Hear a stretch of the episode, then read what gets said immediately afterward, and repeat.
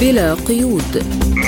برنامج واسع الطيف نطلعكم فيه على آخر المستجدات على الساحة العربية والعالمية. حصريا من إذاعة سبوتنيك. تحية طيبة من سبوتنيك في موسكو. نرحب بكم مستمعينا في كل مكان في هذه الحلقة الجديدة من بلا قيود. نصحبكم فيها على مدار ساعة كاملة. أنا فرح قادري. وأنا نغم كباس والبداية بأبرز العناوين. صحفيون أمريكيون يفندون رواية زيلينسكي عما حدث في كونستانتينوفكا ويتهمون الدفاع الجوي الأوكراني بارتكاب المجزرة. ما المأمول من الدورة الثامنة والسبعين للجمعية العامة للأمم المتحدة؟ مظاهرات عارمة في درنا ضد الفساد وضد عميد البلدية. نبيه بري يعلن عقد جلسات متتالية حتى انتخاب رئيس للجمهورية. لازلتم تستمعون إلى برنامج بلا قيود. ونبدأ التفاصيل من المقال الذي نشرته صحيفة نيويورك تايمز والذي يثبت أن الهجوم الصاروخي الذي وقع في السادس من سبتمبر أيلول الجاري على كونستانتينوفكا في شرق أوكرانيا كان خطأ من أنظمة الدفاع الجوي الأوكرانية والذي أسفر عن مقتل ما لا يقل عن 15 مدنيا وإصابة أكثر من 30 آخرين. وبعد أقل من ساعتين من وقوع المأساة ألقى فلاديمير زيلينسكي باللوم على ما أسماهم الإرهابيون الروس لكن الأدلة التي جمعها وحللها صحفيو صحيفة نيويورك تايمز بما في ذلك شظايا الصواريخ وصور الأقمار الصناعية وروايات الشهود ومنشورات وسائل التواصل الاجتماعي تشير بشدة إلى أن الضربة الكارثية كانت نتيجة خطأ من صاروخ دفاع جوي أوكراني أطلق من قاذفة بوك. وحاولت السلطات الأوكرانية في البداية منع الصحفيين من الوصول إلى حطام الصاروخ ومنطقة الارتطام مباشرة بعد الارتطام لكن في النهاية تمكن المراسلون من الوصول إلى مكان الحادث ومقابلة الشهود وجمع بقايا الصاروخ المستخدم. كما أظهرت لقطات كاميرا المراقبة التي عرضتها الصحيفة أن الصاروخ طار إلى كونستانتينفكا من الأراضي التي يسيطر عليها الجيش الأوكراني حول هذا الموضوع قالت النائبة في مجلس الدوما الروسي ماريا بوتينا لسبوتنيك Я думаю, здесь просто есть политический заказ на сливать тему Украины из американской повестки. أعتقد أن هناك أمرا سياسيا بتسريب موضوع أوكرانيا من الأجندة الأمريكية. على الأقل هناك دلائل كثيرة على ذلك في مجال المعلومات الأمريكية فالآن يقدم الجمهوريون مقترحات بشأن الميزانية الجديدة لأنها تحتاج إلى التنسيق وأوكرانيا ليست مدرجة فيها. هناك تجري تخفيضات ولا توجد فيها نفقات بالنسبة لأوكرانيا. لذلك ستكون هذه التخفيضات خطيرة جدا بالنسبة لأوكرانيا. ولو أنه من غير المرجح أن تحرم أوكرانيا من الدعم الكامل من الولايات المتحدة. طبعا يحتاج كل ذلك إلى تبرير وهذا ما يمهد له الحشو الإعلامي بنسبة 100% والمعروف أن نيويورك تايمز لا تنشر شيئا عن عبث على صعيد آخر قال المدير العام للوكالة الدولية للطاقة الذرية رافائيل جروسي في حديث لسبوتنيك أن الوضع الأمني في محطة زاباروجيا للطاقة النووية شهد بعض التحسن لكنه ما زال هشا.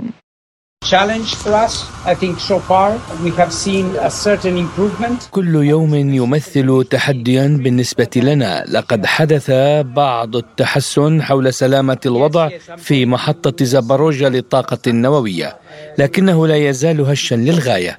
سألتقي بالوفدين الروسي والأوكراني خلال هذا الأسبوع وهو أمر ضروري بالنسبة لي لمواصلة تقديم المساعدة في هذه الحالة.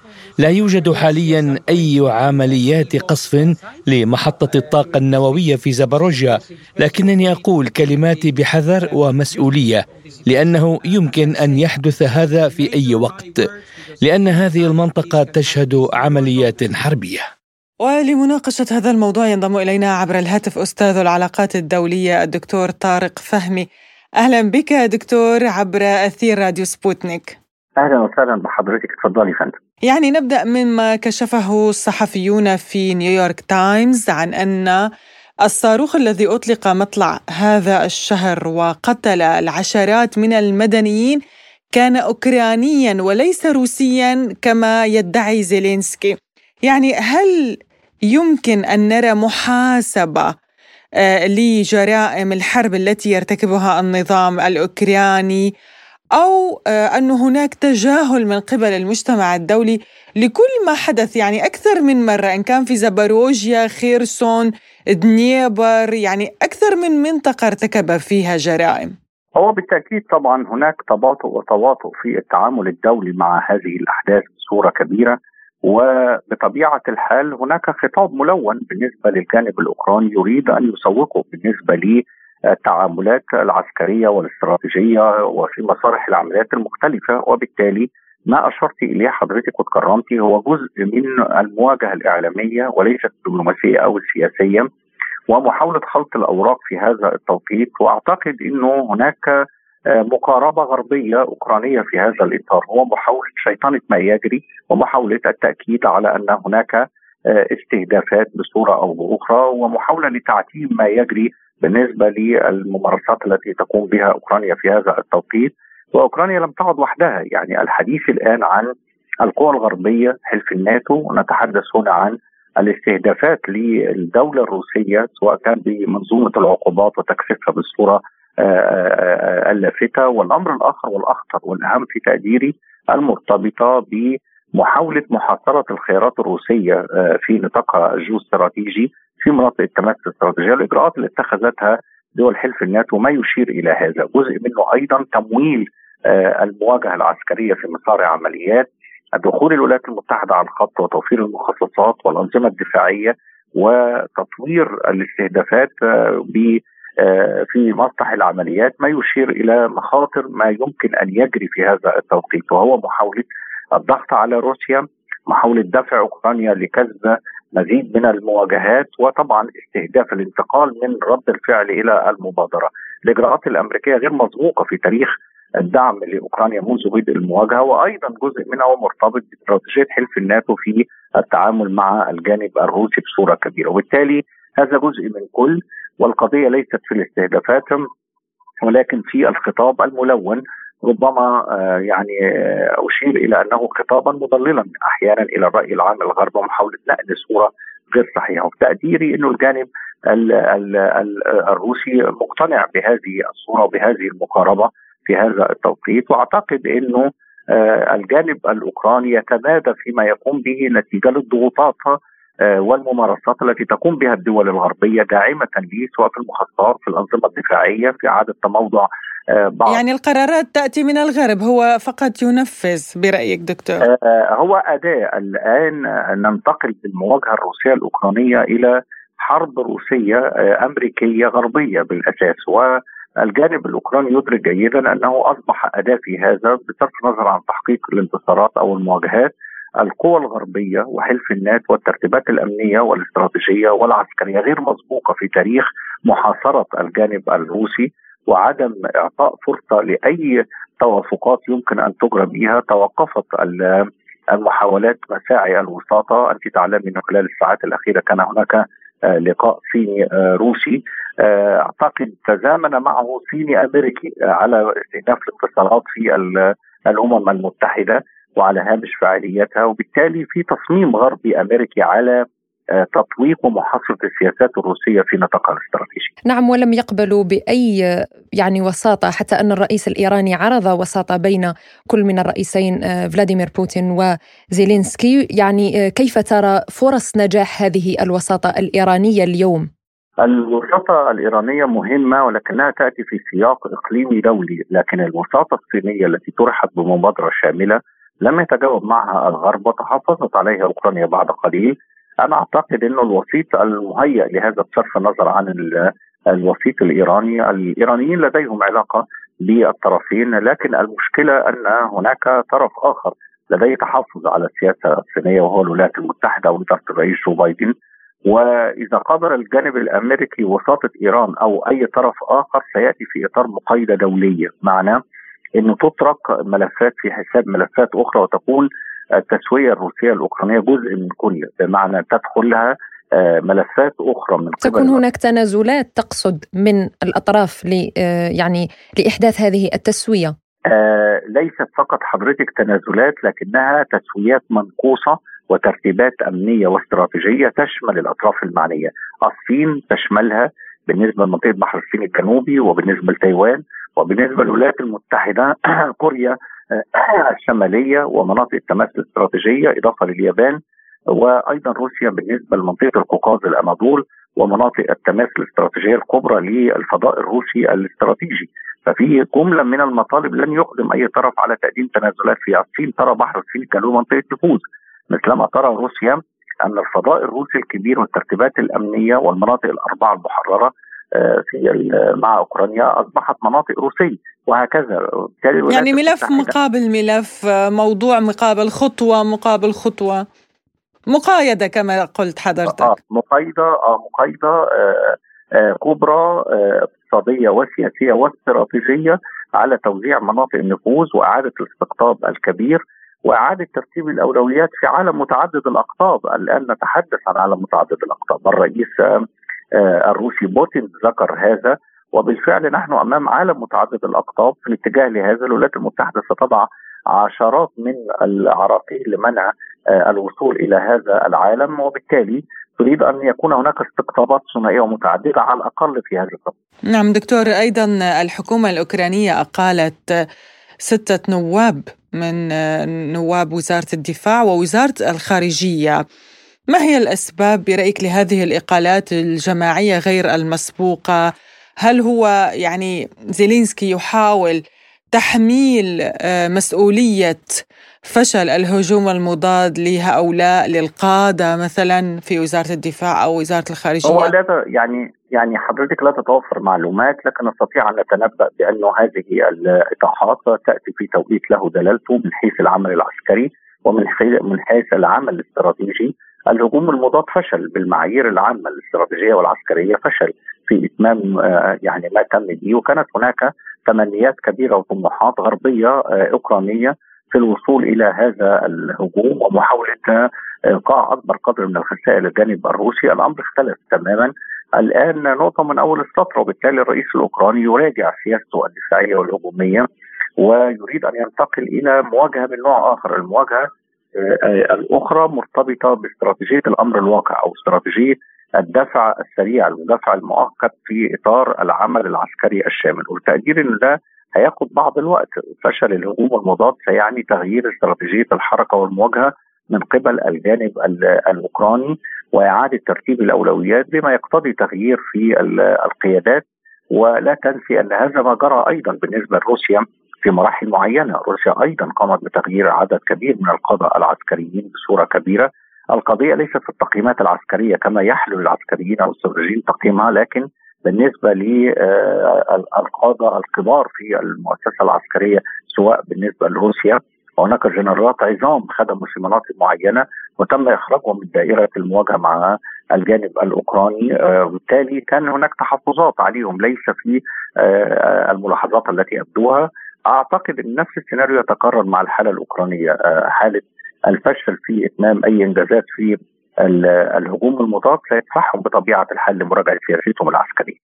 نعم يعني كما قلت فشل الطموح الغربي وروسيا خيبت آمال وطموحات الغرب بإضعافها خصوصا في هذا الهجوم المضاد، كيف ترى الخطوات المقبلة للجانب لن أقول الأوكراني بقدر ما أقول الجانب الغربي في تسيير هذه المعركة وإطالة أمد هذا الصراع؟ أنا في تقديري الغرب سيمضي في طريق المسار الأول هو محاولة تطويق ومحافظة السياسة الروسية ومحاولة يعني تثبيت أكبر قدر من الخسائر على تقديم تنازلات. لا أظن أن الجانب الروسي ولا الرئيس الروسي بوتين سيقوم بها في هذا التوقيت. قضي الأمر تم آه، تحديد الأهداف العسكرية والاستراتيجية آه، وتم الحصول على الأربعة مناطق الاستراتيجية مثل ما جرى في شبه جزيرة القرم وبالتالي انتهى الأمر؟ الآن هو محاولة لتأمين الوجود الروسي في هذه المناطق وبالتالي هذا هو مكسب العملية المحدودة. حتى الآن آه، عملية محدودة. إذا أراد الجانب الروسي تحويلها إلى عملية عسكرية شاملة وحرب شاملة ستكون عملية كبيرة وستنتقل إلى مواجهة أخرى، حتى الآن الروس يتحدثون عن عملية في العمق الأوكراني وبالتالي حققوا أهدافهم باللغة العسكرية والاستراتيجية.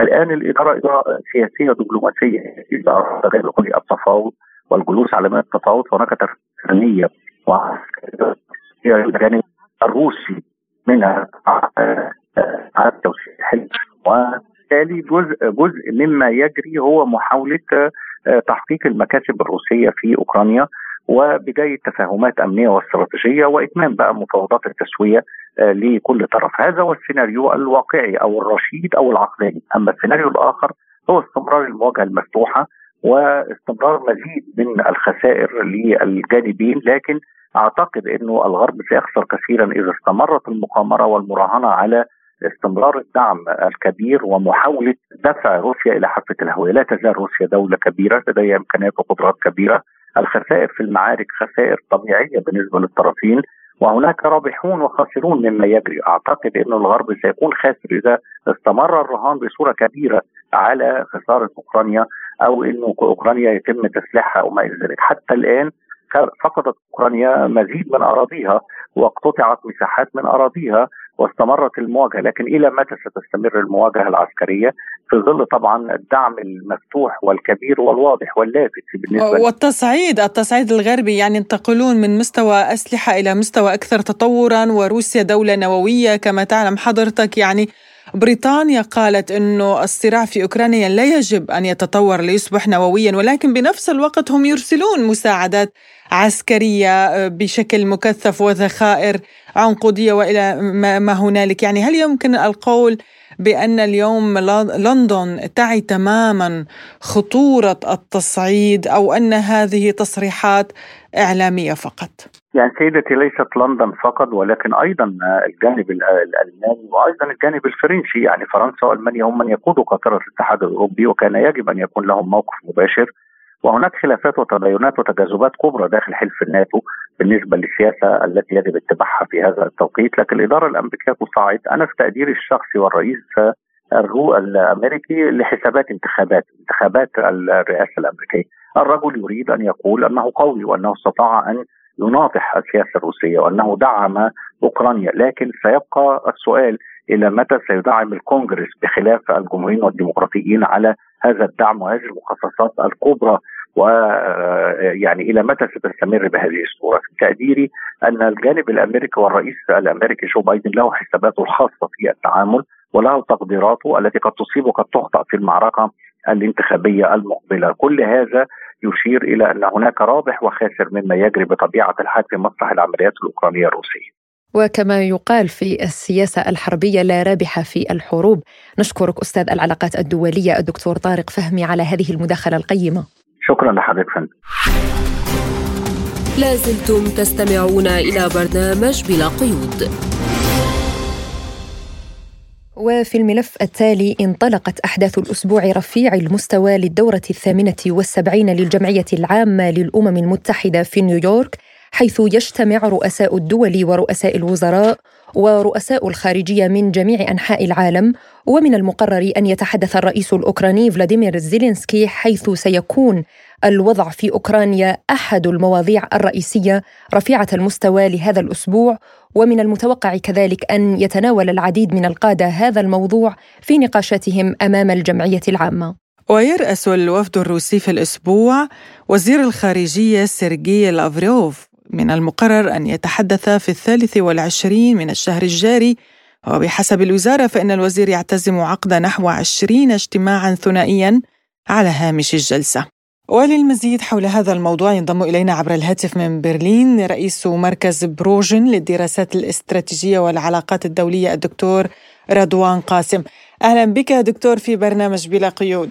أهلا وسهلا تحياتي لكم ولمستمعيكم الأعزاء. يعني نعلم بانه اليوم تبدأ جولة من فعاليات الاجتماعات الجمعية العامة للأمم المتحدة.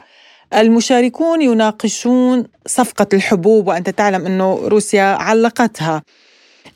أنطونيو غوتيراش الأمين العام للأمم المتحدة قال بأنه هو سيجتمع بزيلينسكي وبلافروف وبالرئيس التركي لمناقشة هذه الصفقة هل تعتقد بأن الأمم المتحدة اليوم ستضغط باتجاه تنفيذ البنود الروسية؟ يعني حقيقة كنت أتمنى على السيد أمين العام للأمم المتحدة أن يضغط على المعرقلين لهذه الاتفاقية اتفاقية الحبوب المعقودة منذ زمن مع روسيا والتي كانت روسيا دائما يعني تحافظ على تعهداتها ومعاهداتها في الاتفاقيات آه، كان المفروض أن يتحدث مع الأوروبيين الذين والولايات المتحدة الأمريكية التي تفرض قيود وتفرض شروط وتحاصر روسيا ومنعت آه، منظومة سويفت العمل بمنظومة سويفت لدفع الأسعار آه، لروسيا ثمن الحبوب حتى أنهم منعوا تصدير الحبوب الروسية. يعني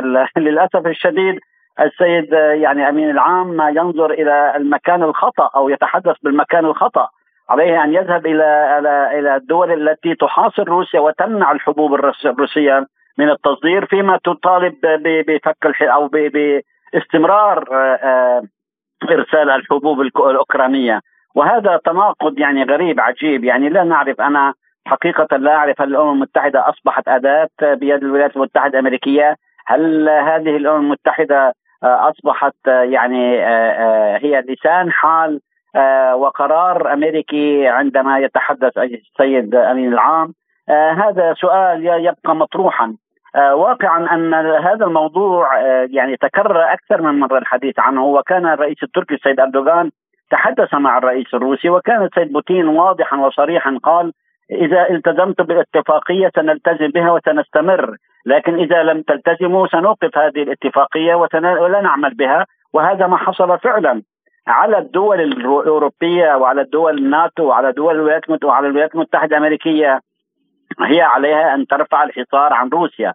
ترفع أن تعيد نظام سويفت إلى التعامل بموضوع الحبوب. تسمح بإخراج أو أو تصدير الحبوب الروسية.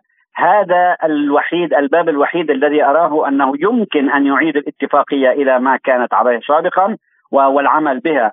أما دون ذلك لا أرى أن هنالك إمكانية للاستمرار في هذه الاتفاقية وخاصة أنهم يريدون الاستخدام أو استمرار الاتفاقية بطرف واحد بمعنى أن الأوكراني يصدر حبوبه ويستلم الأسعار لهذه الحبوب ويستلم المساعدات والمبالغ المالية فيما روسيا ممنوع عليها أن تصدر وممنوع عليها حتى لو صدرت ممنوع عليها أن تستلم آه، أموالها لهذه الحبوب.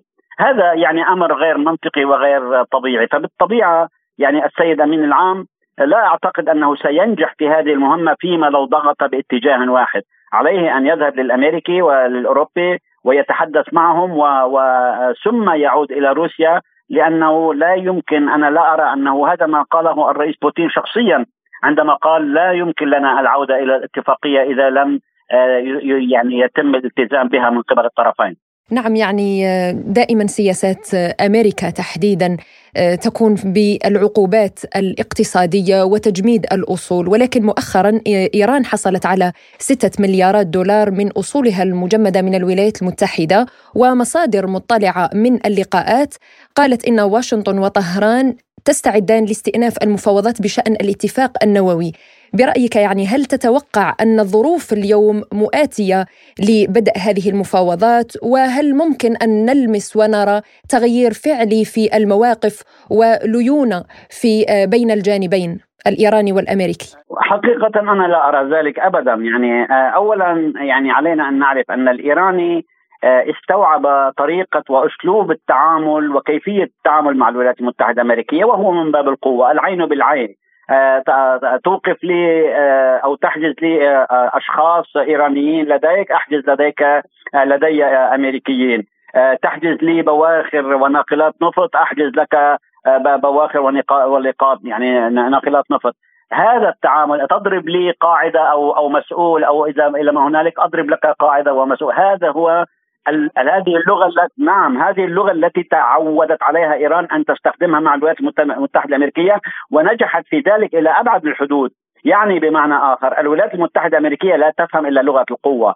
عندما يعني تتحدث بلغة القوة تصل إلى نتيجة أما دون ذلك لا يمكن ذلك. وهذا ما أكده حتى عملية التبادل السجناء باللحظة التي كانت تتم. كان تصريح أمريكي يعني مناهض ويحارب فيه تصريح سياسي لأحد المسؤولين الأمريكيين آه، آه، يحارب فيه أو أو يندد بالسياسة الإيرانية ويقول أننا سنستمر في رفع في في دعم في موضوع العقوبات ولا نرفع عنها عنهم هذا هذه العقوبات، يعني حتى في اللحظة التي يتم الاتفاق أو تطبيق اتفاق على تبادل السجناء كانت النبرة عالية للولايات المتحدة الأمريكية. بالمقابل كانت هنالك أيضا آه، سيكون هنالك نبرة سياسية عالية لإيران لأنه حتى في موضوع مثلا آه، النووي ويعني المعامل النووية رأينا ان ان آه، وكالة الطاقة الذرية كيف كانت مصعدة يعني في تصريحاتها وفي بياناتها الأخيرة جاء الرد الإيراني مباشرة أوقفوا آه، العمل لأربع موظفين من آه، آه، الطاقة وهذا إن دل على شيء يدل أن إيران فهمت اللعبة مع الأمريكي منذ البداية منذ السبعينات حتى منذ انطلاق الثورة الإسلامية في إيران عندما احتجزوا الرهائن بالسفارة لأنهم فهموا أن الإدارة هذه الإدارة الأمريكية لا تفهم إلى لغة القوة. أنا من هنا أرى أنه لا يمكن الاستمرار في المفاوضات ولن تصل هذه المفاوضات إلى نتيجة إن لم يكن هنالك الرد بالمثل بمعنى آخر خطوة بخطوة آه، آه، آه، ورقة بورقة عندما تتصرف معي بهذا بهذه الطريقة اتصرف معك بهذه الطريقة بحيث أن حتى في الملف النووي عندما وكالة الطاقة الذرية عندما تؤكد أن المفاعلات النووية الإيرانية هي سلمية والعمل هو سلمي ربما تعيد العمل وتعيد الاستمرار في التعامل مع هذه الوكالة من قبل إيران. أما إذا كان التصعيد آه، السياسي هو سيد الموقف فأعتقد أن إيران سترد أيضا بالمثل ويبقى التصعيد هو سيد الموقف. نعم دكتور. لا أرى. نعم عذرا على المقاطعة. يعني أيضا في هذه آه، اللقاءات في الجمعية العامة للأمم المتحدة سيلتقي الرئيس الأمريكي جو بايدن بقادة خمس دول في آسيا الوسطى. يعني ماذا يمكن أن يقدم بايدن لهذه الدول؟ ماذا يمكن أن يقدم للدول العربية؟ وهو على يعني أهبة الاستعداد للمغادرة. نعم وربما يغادر قبل أوانه إذا إذا ما تم التنفيذ لكن لا أرى صعوبة في موضوع يعني عزله لكن بغض النظر يكفي أنه بدأت المحاكمة أو بدأت المحاسبة لعزله وهذا يكفي أن يكون يعني نقطة سوداء في في ملفه السياسي. آه، أما بالنسبة للقاءاته بحسب ما تفضلت أنا لا أرى أن هذه اللقاءات آه، ستنتج عن عن أي إيجابيات إذا لم تتراجع الولايات المتحدة الأمريكية عن التعدي وعن الاستفزازات للعديد من الدول، مثلا عندما يلتقي بالرئيس الصيني هذا فيما التقى فيما لو التقى به. آه، ماذا سينتج عن عن ذلك إذا ما كان هنالك زال التصعيد بالنسبة لتايوان؟ دعم أسلحة ارسال أسلحة استقبال مسؤولين آه، آه، يعني آه، تعدي على الحدود البحرية وإلى ما هنالك. توتر بالنسبة بالنسبة أيضا بالنسبة لليابان وكوريا الجنوبية كل هذه المسائل هذا يدل على أن التصعيد الأمريكي هو السبب الرئيسي في توتر الأوضاع في العالم. لهذا لا أعتقد أن اللقاءات التي يعني سينتج عنها نتائج إيجابية إذا لم يكن هنالك تراجع من السياسات الأمريكية المتبعة طوال الوقت وهي طريقة الاستفزاز وهي طريقة التحرش. حتى في موضوع روسيا رأينا اليوم مثلا آه، في موضوع آه، ناغورنو كاراباخ اليوم توتر الوضع من جديد وهذا آه، دليل على أن الولايات المتحدة الأمريكية تسعى إلى توتير الوضع. هناك لإزعاج روسيا لا أكثر ولا أقل يعني وعندما قامت بتدريبات مع القوات الأرمينية هذا يخالف القانون الدولي لأن هنالك معاهدة أمنية جماعية بين هذه الدول ومن ضمنها أرمينيا. ذهبت للولايات المتحدة الأمريكية وأنها كأنه ليس هناك لها شاغل إلا أن تقوم بمناورات عسكرية مع أرمينيا. آه هذا إن دل على شيء يدل على أن استفزازات الولايات المتحدة الأمريكية آه دائمة ومستمرة ومتو... وتوتر الأوضاع في العالم. وكذلك بالنسبة لأوكرانيا دعمها لزيلينسكي رغم اعترافهم هم يعترفون أنه ليس هنالك املا في انتصار على الأرض ولو بإعادة متر واحد من الأراضي التي يعني أصبحت تحت سيطرة القوات الروسية، هم يعترفون ذلك. في في في أوسلو بالأمس كانت القادة العسكريين آه، الغربيين والناتو يقولون أننا لسنا قادرين على الدعم أكثر من ذلك وبحسب ما تطلب أوكرانيا. رغم ذلك أمريكا مصرة على أن تستمر هذه الحرب، هذا يدل على أن الأمريكي يريد دائما تصعيد في كافة النقاط في العالم الساخنة. ومن ثم يأتي ليجتمع بالقادة قادة الأمم المتحدة بالرئيس الصيني أو الرئيس الروسي إذا كان موجود أو أي مسؤول روسي أو أي مسؤول من الدول الغربية التي طبعا بالنسبة للدول الغربية هو يتفاهم معهم لأنه يأمرهم آه، بما يريد وهذا ما يحصل اليوم. الدول الغربية للأسف الشديد هي تسير في الركب الأمريكي بكل اتجاهاته إلا ما رحم ربي من بعض الدول. لهذا السبب أرى أن لا يأتي آه، بنتيجة كل هذه اللقاءات التي يعقدها مع الدول التي يصعد معها آه، في سياسته الرئيس الأمريكي جو بايدن. رغم أنه كما تفضلت أنه ذاهب إلى إلى بيته ربما في القريب لكن لا نعرف إذا كانت هذه الإدارة العميقة والدولة العميقة في الولايات المتحدة الأمريكية ستستمر بهذه السياسات الاستفزازية أم أن هنالك سياسة أخرى ستكون ترامبية إذا صح التعبير؟ وعودة ترامب إلى البيت الأبيض هذا ربما يغير كثير من السياسات التي اتبعها جو بايدن وهنا آه، يعني يبقى السؤال ماذا عن الانتخابات الأمريكية وما سينتج عنها؟ هنا العالم ينتظر أي نوع من السياسات سيتبعها البيت الأبيض من جديد. نعم يعني حتى الرئيس السابق دونالد ترامب كان قال لو كان هو في الحكم ما كانت يعني كان يستحق فقط 24 ساعة لينهي هذه الأزمة الأوكرانية الروسية. آه، نتحدث كذلك عن الأوبئة آه، التي آه، يعني عانى منها العالم خصوصا جائحة كورونا. سيبحث المشاركون هذا الملف كذلك. هل نتوقع جدية بالتعامل مع هذه الملفات خاصة بعد الفشل الواضح في تعامل الحكومات مع وباء كورونا؟ يعني آه، حقيقة هذا يبقى مطروحا من وراء هذه الفيروسات وهذه الميكروبات وهذه الأمراض التي وال يعني آه، الأوبئة التي تنتقل آه، بين لحظة أو من من حين إلى آخر بين هذه الدول. عندما نرى أن ابن الرئيس ترامب له عفوا ابن الرئيس بايدن له له العديد من العلاقات مع مفاعلات ومع مختبرات جرثومية في أوكرانيا يجب علينا أن نسأل ماذا آه، يستفيد من هذه ما ما ينتج عن هذه المختبرات الجرثومية؟ آه، هل هي للتقدم الطبي أم لانتشار هذه الفيروسات وهذه الميكروبات لحتى تستفيد الشركات الأدوية الأمريكية وشركة الأمصال وال, وال يعني العقاقير وإلى ما هنالك؟ اذا إذا ما بحثنا عمقا في هذه الأوبئة التي تنتشر آه، هي آه، يعني آه، غربية أو أمريكية بامتياز لأن المستفيد الوحيد رغم كل الخسائر التي حصلت في موضوع أوكرانيا لكن هذا لا يعني أن أن الأمريكي خاسر. الشركات العمق الدولة العميقة والرأسمالية الحقيقية هي تكمن في الشركات في شركات الأسلحة في شركات الأدوية في شركات التي تستفيد من هذه الأزمات الدولية حتى في موضوع المناخ. آه، عندما يعني آه، نرى أن الولايات المتحدة الأمريكية هي الدولة الوحيدة في العالم التي لم تقر موضوع المناخي ولم توقع على هذه الاتفاقية، هنالك اتفاقيات معقودة في موضوع آه، يعني المناخ إلا الولايات المتحدة الأمريكية. لا تريد ان أن تخفف من ولا أصلا تريد أن تتحمل مسؤولية المصانع التي يعني تصدر كثير من غاز الكربون الكثير من المواد السامة من هذه الشركات وهذه المصانع.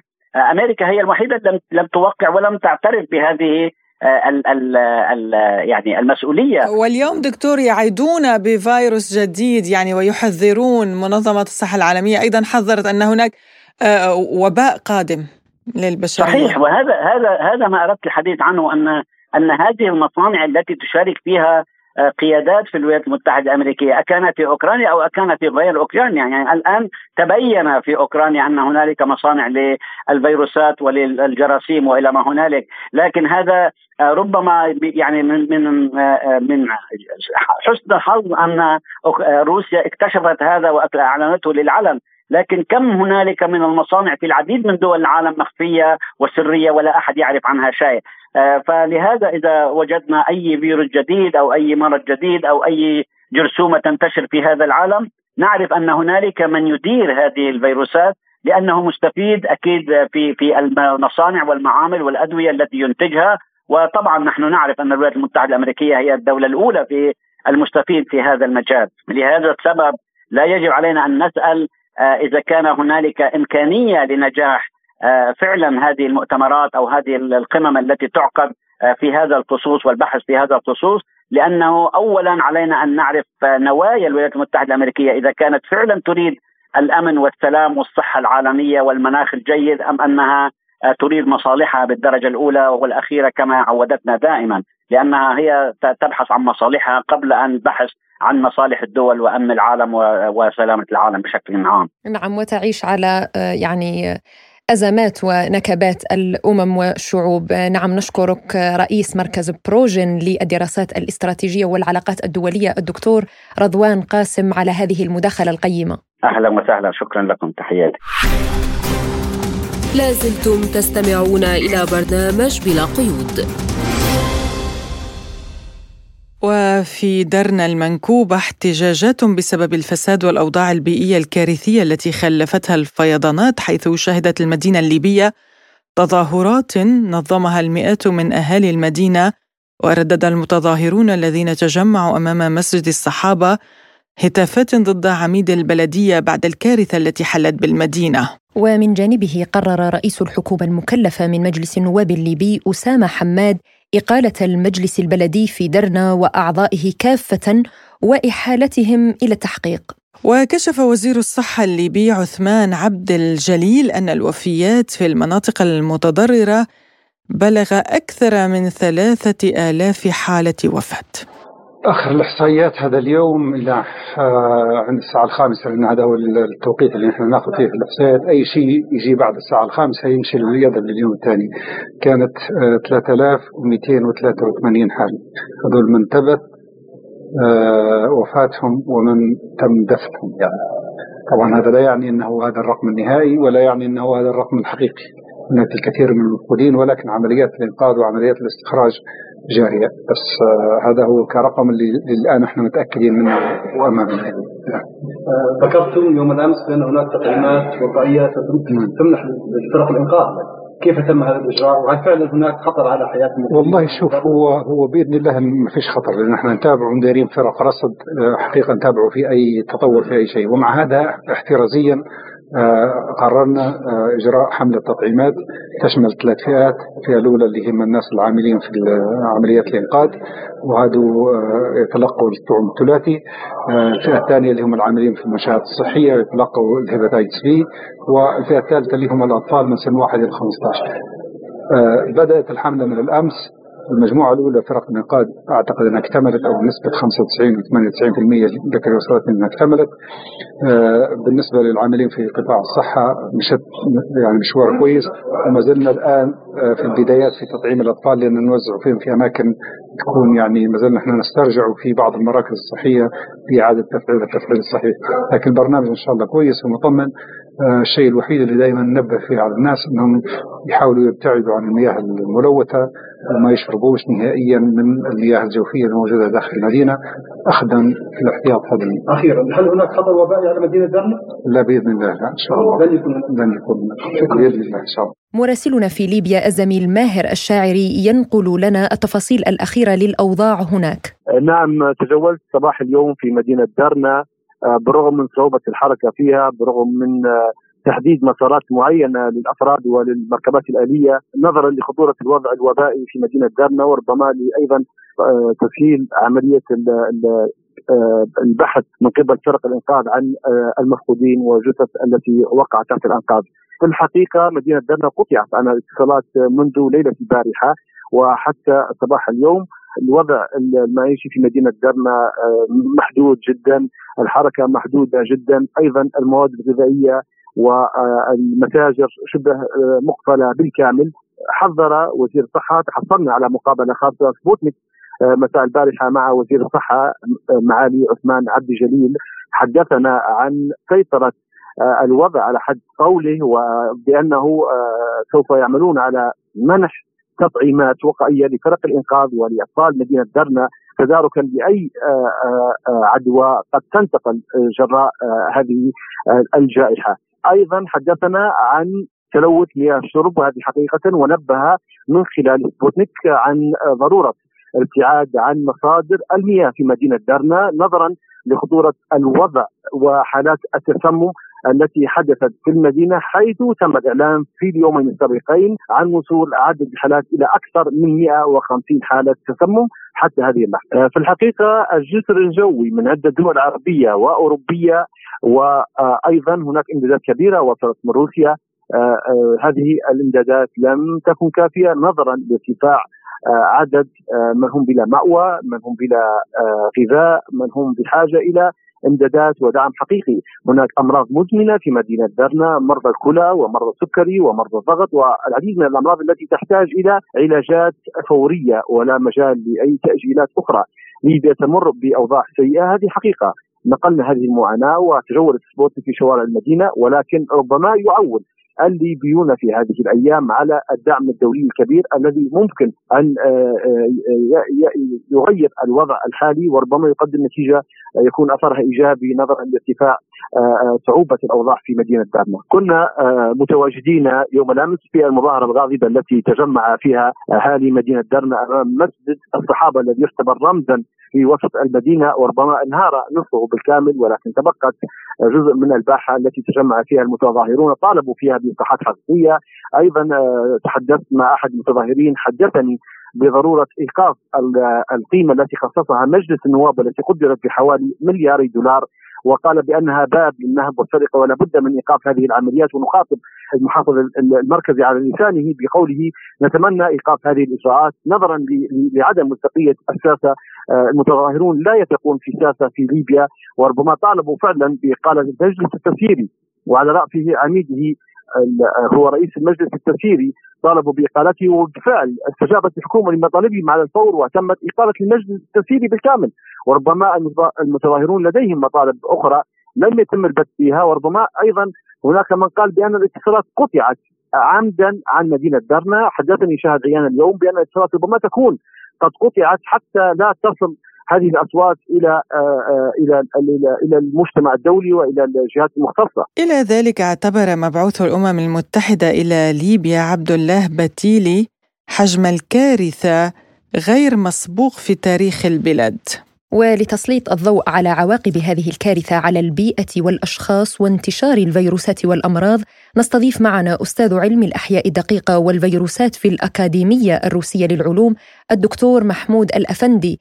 أهلا وسهلا بك دكتور وشكرا لتواجدك معنا في بلا قيود. يسعد أوقاتك سيدتي الكريمة لك وللأخوة المستمعين. بداية دكتور يعني من الناحية العلمية إلى أي مدى من الممكن لمثل هذه الكارثة أن تتسبب في نشر فيروسات قاتلة؟ طبعا بشكل عام لما بتحصل آه، دائما بيحصل كوارث طبيعية في أي مدينة وخصوصا في المدن يحصل يعني احتمالات كبيرة لانتشار الأمراض البيولوجية والفيروسية البكتيريه يعني البكتيرية والفيروسية والفطرية أيضا لعدة أسباب لأنه المشكلة تكمن في القمامه يعني تزداد القمامه بشكل كبير. لا تستطيع البنية التحتية في هذه المدن أن تعمل بشكل جيد. لذلك تراكم القمامة ينشر الانواع الجراثيم والفطريات والفيروسات عن طريق الحشرات وعن طريق أيضا الهواء، لذلك دائما لما تكون المدينة منكوبه صعب جدا القمامة بالإضافة إلى المياه المياه الملوثة. يعني نعلم جيدا التجربه خصوصا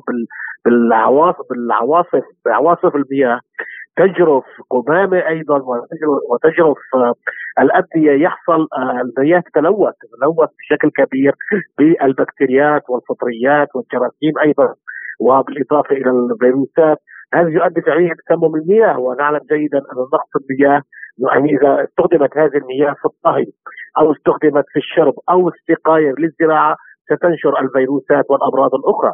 واحتمال أيضا كبير جدا إذا كانت درجة الحرارة مرتفعة أن تعود أمراض آه، ما يسمى تقليدية. يعني دكتور رائحة الجثث تفوح من الشوارع لأيام بسبب الكارثة. هل هذا يهدد سلامة الأفراد ينقل الأمراض؟ كيف يمكن مواجهة هذا الأمر؟ فهي خصوصا أهم شيء أنا نسيت أقول كمان للأخوة المستمعين أهم شيء أيضا الجثث. يعني الجثث عدم وصول فرق الإنقاذ للجثث هذا يؤدي أيضا إلى تفسخ هذه الجثث وعدم دفنها يؤدي إلى نشر كميات بكتيرية هائلة وفيروسية. لذلك أيضا والتلوث بالإضافة إلى النقل عن طريق الهواء هذا مشكلة كبيرة جدا. لذلك عدم وصول فرق الإنقاذ وعدم عدم الحصول على الوقت على الوقت المناسب للوصول يحصل جيدا يحصل العصر يحصل دائما هذه هذه المآسي. لذلك لا تستطيع أي دولة في العالم المشكلة. تخرج من هذه المشكلة لعده أسباب، أول شيء دائما يكون المنطقة المنكوبة من الصعوبه الوصول إليها، يوصل إليها عن طريق نعلم جيدا ان تكون منطقة منكوبة تكون الطرق منجرفة، يعني ليس هناك أي طرق فقط عن طريق الطائرات الهليكوبتر أو أو طريق الإنزال الجوي، لذلك من الصعب جدا للأسف الشديد الوصول لهذه المناطق لعدم وجود طرق. وبالإضافة يعني آه لعدم أيضا آه كفاية في عدد الأشخاص، يعني مدينة منكوبة مثل على سبيل المثال الليبية أنت بحاجه إلى حوالي آه 50 إلى 60 ألف شخص تقريبا. نعم يعني ما هي الأمراض التي يمكن أن تنتقل جراء تحلل الجثث برأيك؟ أول شيء يمكن انتشار الطاعون.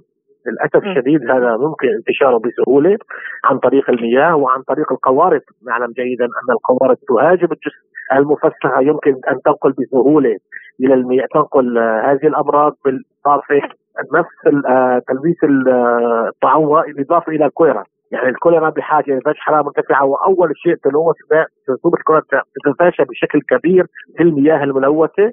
يعني وخصوصا عاد هي ليست الجاريه ولكن كالمستنقعات لأنه تحصل عصارات محصل على مستنقعات كبيرة. هذا خصوصا العصارات مائيه سيؤدي إلى انتشار كوليرا فدائما الأمراض بعد الكوارث الطبيعية تنتشر بشكل كبير. الأمراض الخطيرة هي أمراض الكوليرا. بالاضافه إلى أمراض الطاعون بالإضافة إلى أمراض آه يعني تنتقل عن طريق مثل التيفوئيد وأمراض خطيرة جدا يمكن أن تنتقل في هذه المنطقة. ونعلم جيدا أن أغلبية يعني أغلبية هذه المناطق غير ملقحة أو غير ملقحة بهذه الأمراض فيمكن تفشي هذه الأمراض في أمراض كبيرة. ولكن أهم أمراض تكون بعد الكوارث الطبيعية هي دائما الطاعون والكوليرا نعم شكرا جزيلا لك أستاذ علم الأحياء الدقيقة والفيروسات في الأكاديمية الروسية للعلوم الدكتور محمود الأفندي. لازلتم تستمعون إلى برنامج بلا قيود. وإلى لبنان الذي وبعد قرابة خمسة أعوام لم يجد رئيسا ولا حكومة جديدة قادرة على إخراج البلاد من أزماتها المتتالية حيث أعلن رئيس مجلس النواب اللبناني نبيه بري عقد جلسات متتالية في المجلس النيابي حتى انتخاب رئيس للجمهورية بعد حوار السبعة أيام المحصور ببند وحيد هو رئاسة الجمهورية الذي دعا إليه في سبتمبر الحالي متمنيا أن يكون أيلول شهر الحسم الرئاسي. من جانبه أشار عضو كتلة التنمية والتحرير النائب محمد خواجة في تصريحات لسبوتنيك بأن المبادرة التي أطلقها الرئيس بري يجب أن لا ترفض ولا بأي شكل من الأشكال معتبرا أن الحريص على إنهاء الشغور وانتخاب رئيس للجمهورية في قصر بعبدة يجب أن يلبي دعوة رئيس مجلس النواب خاصة أن المبادرة التي أطلقها واضحة جدا وليست بحاجة إلى تفسير أو تأويل. لمناقشة هذا الموضوع أكثر نستضيف معنا الخبير في الشؤون اللبنانية الدكتور طارق عبود. أهلا وسهلا بك دكتور وشكرا لتواجدك معنا في بلا قيود. يعني بداية اليوم لبنان يقترب من خمس سنوات على بداية الاحتجاجات.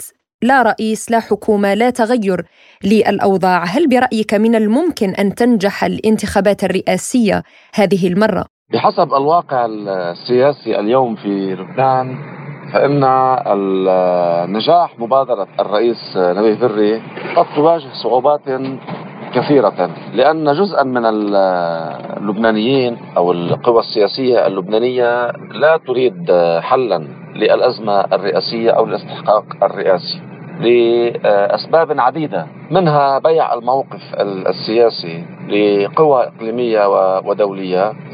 ولأنها فيما بعض فيما بينها لم تتفق بعد على مرشح تسير خلفه أو برنامج سياسي. آه، كل ما لدى هذه القوى المعارضة إذا صح التعبير هو الوقوف بوجه مرشح أو الثنائي أو أي مرشح يطرح في من الجهه المقابلة لأنهم يفتقدون إلى الخطاب السياسي يفتقدون إلى الرؤية ويفتقدون إلى الخطة. كل ما آه، يستطيعون فعله هو آه، الاعتراض لمجرد الاعتراض من دون تقديم أي بدائل حقيقية وواقعيه.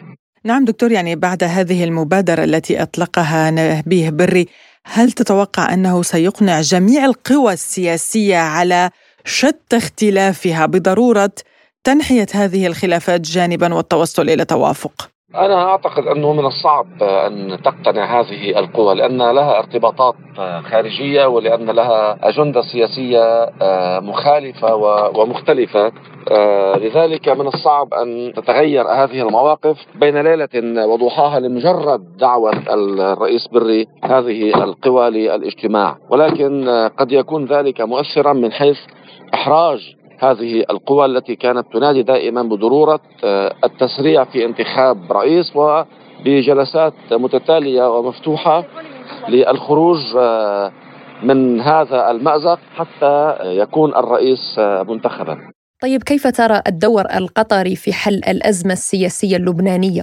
الدور القطري إلى الآن يعني رمادي ليس واضحا هم يعني ينفذون حقيقة يعني الرغبة الأمريكية. آه، هم يطرحون قائد الجيش لانتخابات الرئاسة ولكن ليس هناك مبادرة واضحة إلى الآن. من المبكر أن يعني نقيم الدور القطري بانتظار المبادرة القطرية. نعم يعني آه، أيضا نبيه بري قال خلال خطابه إن إنجاز الاستحقاق الرئاسي متاح لمن يريد مصلحة لبنان.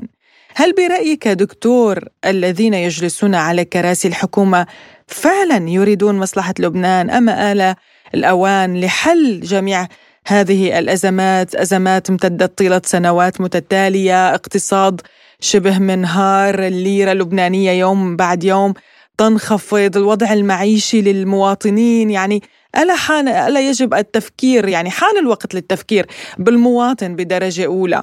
عندما يقول الرئيس بري إنه آه، يعتمد على آه، القوى التي تريد مصلحة لبنان فهو محق.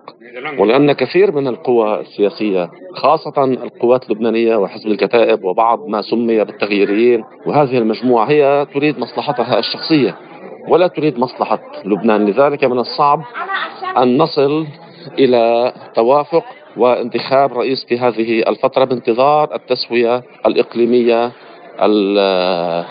الكبرى نعم يعني أنتم كشعب لبناني ما هي مطالبكم وماذا تتوقعون من الحكومة القادمة؟ يعني الشعب اللبناني حقيقة لا يتوقع شيئا كثيرا من هذه الطبقة السياسية المرتبطة بالطبقة الاقتصادية والمالية فلذلك هناك تداخل تداخل عميق وكبير بين مصالح الطبقة السياسية والطبقة المالية والاقتصادية وما يسمى بحيتان المال في في لبنان.